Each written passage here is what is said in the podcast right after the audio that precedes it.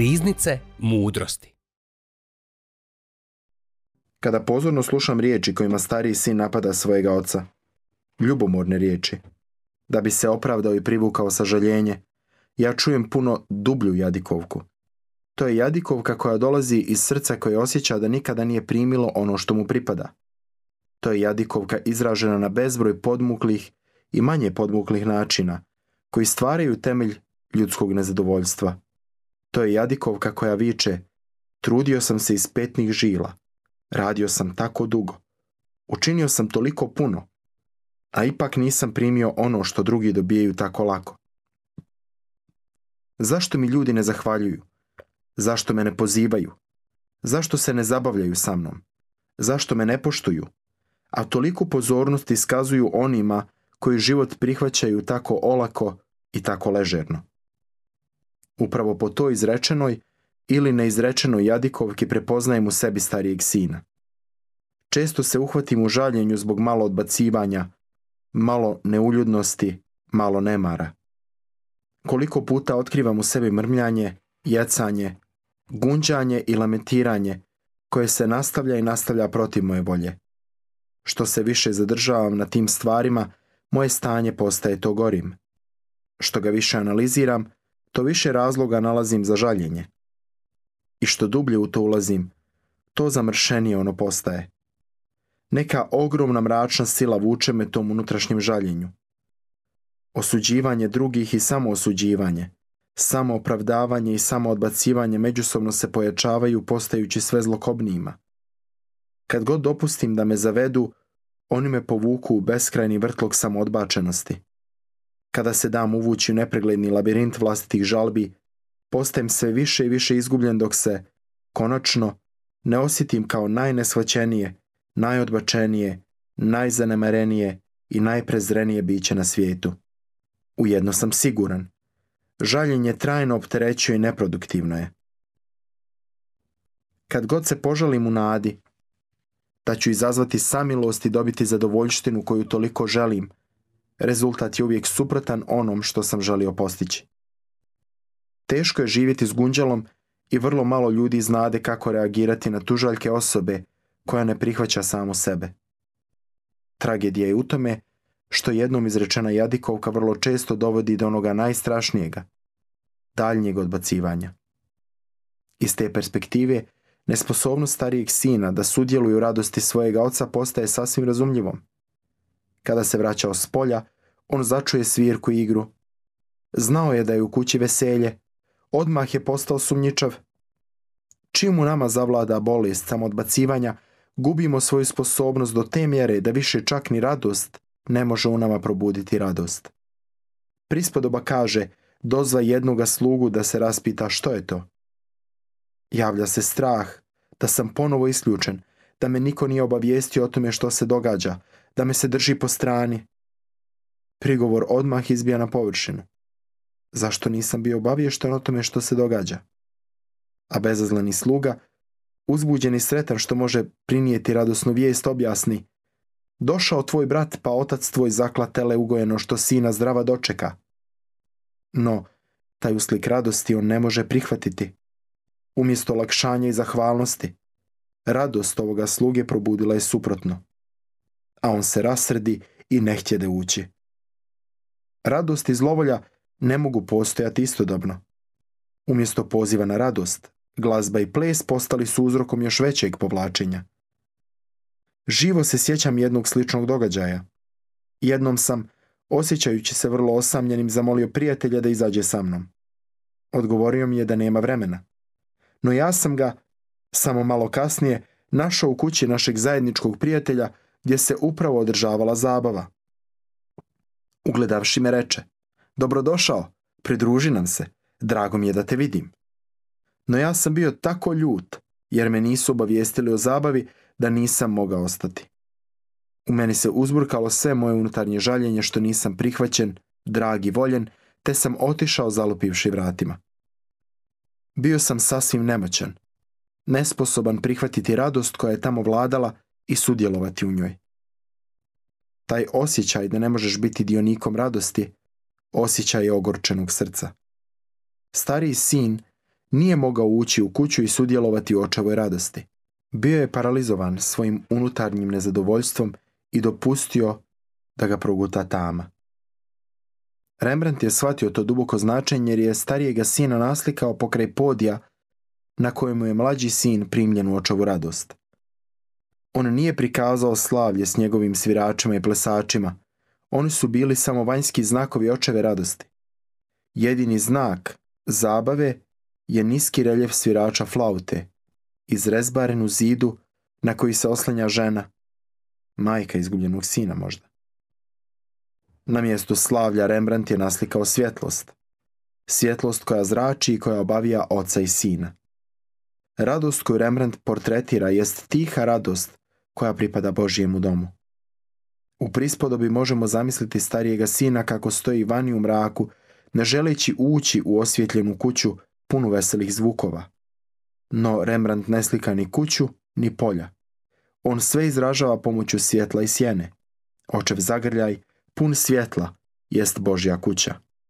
U njoj su sva glazba i sva igra. Ne želeći ući, stariji sin ostaje izvan kruga te ljubavi.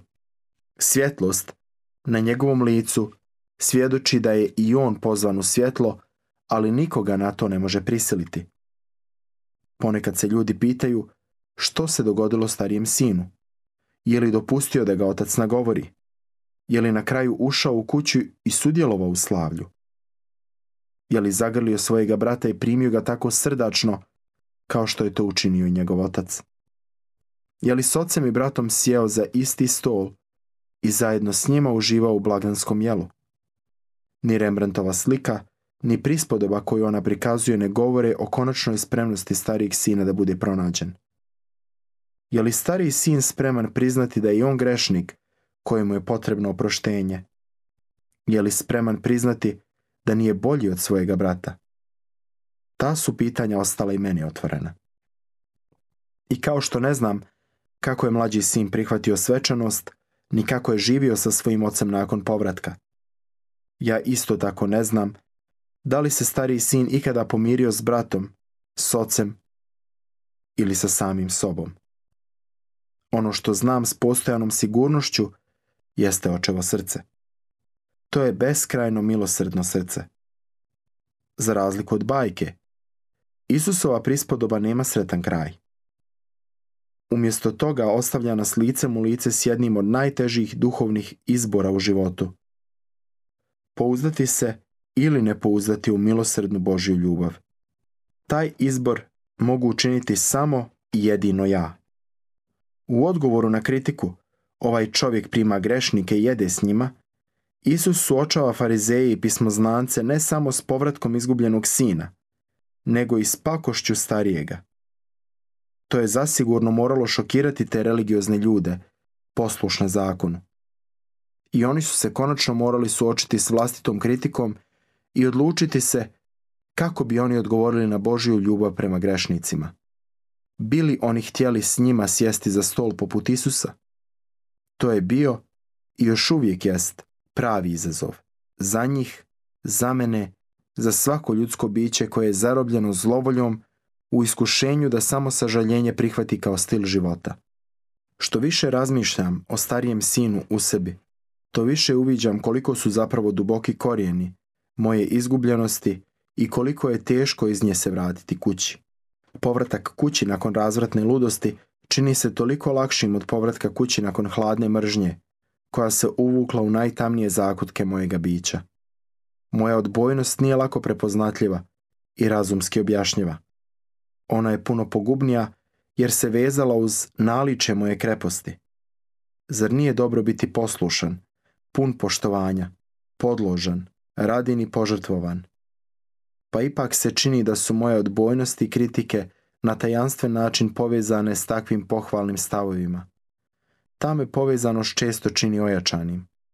Upravo tada kada želim govoriti ili djelovati iz onog najplemenitijeg u sebi, uhvati me gnjev ili zlovolja. I čini se da baš tada kada želim biti najviše nesebičan, otkrivam svoju opsjednutost time da budem voljen. Baš tada kada činim sve da što bolje izvršim svoju dužnost, počinju se pitati zašto i drugi ne daju sve od sebe kao ja. Upravo kada pomislim da sam sposoban nadići svoje napasti, osjetim zavis prema onima koji su im popustili. Izgleda da je uz moje kreposno ja, uvijek jedno zlovoljno gunđalo. Ovdje se suočavam sa svojim istinskim siromaštvom. Ja uopće nisam u stanju iskorijeniti svoje neraspoloženja. Ona su u mojem biću ukopana tako duboko da je njihovo vađenje ravno sam uništenju. Kako očistiti kukolj takvih osjećaja, a istodobno ne uništiti i dobro zrnje kreposti? Može li se stariji sin u meni vratiti kući? Mogu li ja biti pronađen kao što je mlađi sin bio pronađen? Kako ću se vratiti kada sam izgubljen u zlovolji, kada sam zahvaćen ljubomorom, kada sam zatočen u svojoj poslušnosti i podložnosti koju proživljavam poput ropstva? Jasno je da se sam od sebe ne mogu pronaći. Više je od ozdravljenja mlađeg sina u meni, upitno je ozdravljenje starijeg sina u meni. Suočen s nemogućnošću da sam sebe spasim, sada razumijem Isusove riječi Nikodemu. Ne čudi se što ti rekoh, treba da se rodite na novo od ozgo. Doista, mora se dogoditi nešto što ja sam ne mogu potaknuti da se dogodi. Ne mogu se ponovo roditi od ozgo, odnosno svojom vlastitom snagom, svojim vlastitim umom, svojim vlastitim psihološkim poniranjima. U mojim mislima o tome ne postoji sumnja jer sam se u prošlosti toliko trudio izliječiti od svojih jadikovki, ali nisam uspio i nisam uspio i nisam uspio sve dok nisam stigao do ruba potpunog emocionalnog sloma, pa i fizičke iscrpljenosti. Ja mogu biti ozdravljen samo od ozgo, odakle Bog zahvaća. Što je meni nemoguće, Bogu je moguće. S Bogom je sve moguće. Povratak starijeg sina Stariji sin se rasrdi i ne htjede ući. Otac tada iziđe i stade ga nagovarati. Na to će mu otac. Sinko, ti si uvijek sa mnom i sve moje tvoje je. No trebalo se veseliti i radovati jer ovaj brat tvoj bijaše mrtav i oživje, izgubljen i nađe se. Otac ne želi da mu se vrati samo mlađi sin. I stariji sin mora biti pronađen i opet vraćen u kuću radosti. Hoće li odgovoriti na očevu molbu ili će ustrajati u svojoj gorčini? Rembrandt konačnu odluku starijih sina također ostavlja otvorenom za istraživanje. Barbara John Heger piše Rembrandt ne otkriva vidi li on svjetlo. Budući da otvoreno ne osuđuje starijeg sina, Rembrandt daje nadu da će i on priznati da je grešnik. Tumačenje o reakciji starijeg sina ostavlja gledatelju. Otvoreni kraj same prispodobe i Rembrandtov prikaz te prispodobe pozivaju me na dugo duhovno traženje.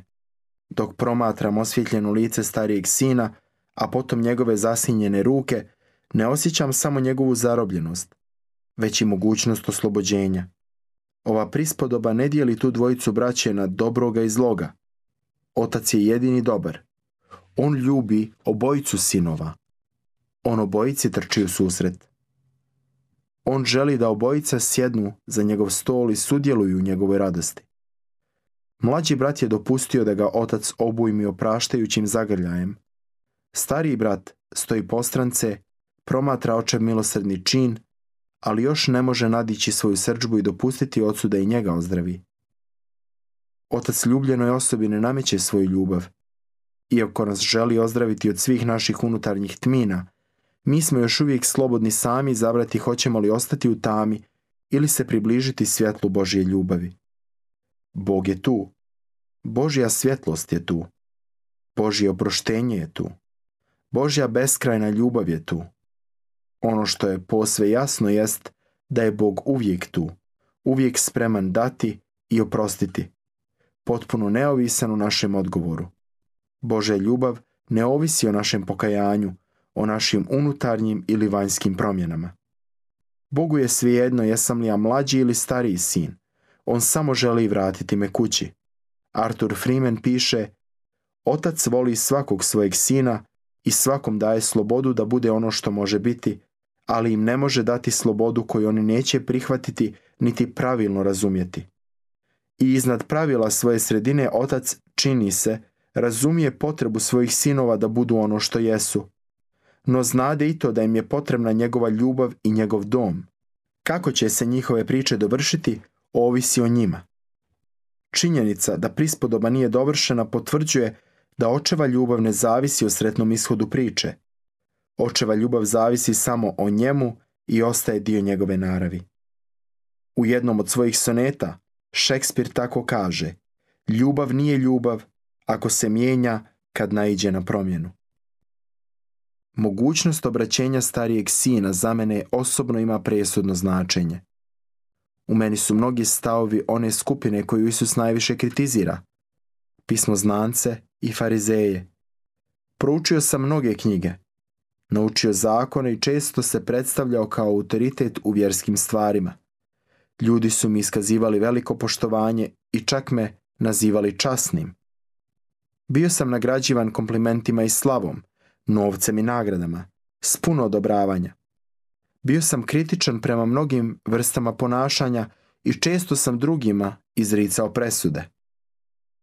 I kada Isus priča prispodobu o izgubljenom sinu, ja je moram slušati sa sviješću da sam najbliži onima koji su tu priču izazvali svojom primjedbom. Ovaj čovjek prima grešnike i jede s njima. Postoji li za mene ikakva mogućnost da se vratim ocu i osjetim da sam dobrodošao u njegovom domu. Ili sam toliko zaglibio u svojim samopravednim jadikovkama da sam protiv svoje želje, osuđen ostati izvan kuće valjajući se u svojoj srđbi i zlovolji. Isus govori, blago vama siromasi, blago vama koji gladujete, blago vama koji plačete, ali ja nisam ni siromašan, ni gladan, niti plačem. Isus moli, slavim te, oče, gospodaru neba i zemlje, što si od tajstva kraljevstva sakrio od mudrih i umnih. Ja sigurno pripadam tima mudrima i umnima. Isus pokazuje jasnu naklonost prema onima koji su na rubu društva, siromašnima, bolesnima i grešnima. A ja zasigurno nisam na rubu. Iz evanđelja izvire za mene bolno pitanje. Jesam li ja već primio svoju plaću? Isus je vrlo kritičan prema onima koji vole moliti stojeći u sinagogama i na raskršćima ulica da se pokažu ljudima. Njima je rekao, zaista kažem vam, primili su svoju plaću. Uza sve ono što sam napisao i govorio o molitvi i uz svu svoju popularnost u kojoj sam uživao, ne mogu se ne upitati nisu li te riječi i meni namijenjene. Naravno da jesu, ali priča o starijem sinu sva ta tjeskovna pitanja prikazuje u novom svjetlu, jer vrlo jasno govori da Bog mlađeg sina ne voli više od starijeg. U prispodobi otac izlazi u susret starijem sinu baš kao i mlađem, Nagovara ga da uđe u kuću i govori Sinko, ti si uvijek sa mnom i sve moje, tvoje je. Na te riječi moram obratiti pozornost i dopustiti da prodru u samu srž mojega bića. Bog me zove sinko. Grčka riječ za dijete, teknon, koju Luka ovdje koristi, jest afektivni izraz obraćanja. Kako tumači Joseph Fritzmer, doslovce prevedeno otac kaže dijete. Taj afektivni pristup postaje još jasniji u riječima koje slijede. Gorke i tvrde sinovljeve riječi ne nailaze na riječi osude. Nema prigovora ni osude. Otac se ne brani, niti komentira ponašanje starijeg sina. Otac nadilazi svako procjenjivanje da bi naglasio prisni odnos sa svojim sinom kada kaže ti si uvijek sa mnom. Očinska izjava neopisive ljubavi uklanja svaku mogućnost da mlađi sin bude više voljen od starijega. Stariji sin nikada nije napustio kuću. Otac je sve dijelio s njim, učinio ga je dijelom svoje svakodnevnice ništa ne krijući pred njim. Sve moje tvoje je, govori on. Nema jasnije potvrde očeve bezgranične ljubavi prema starijem sinu. Tako je obojici sinova jednako i potpuno ponuđena očeva bezgranična, bespridržajna ljubav. Hvala vam što ste slušali današnju emisiju. Kontaktirajte nas putem našeg e-maila putpravednosti.bih at ili putem naše Facebook stranice Put pravednosti. Do sljedećeg slušanja.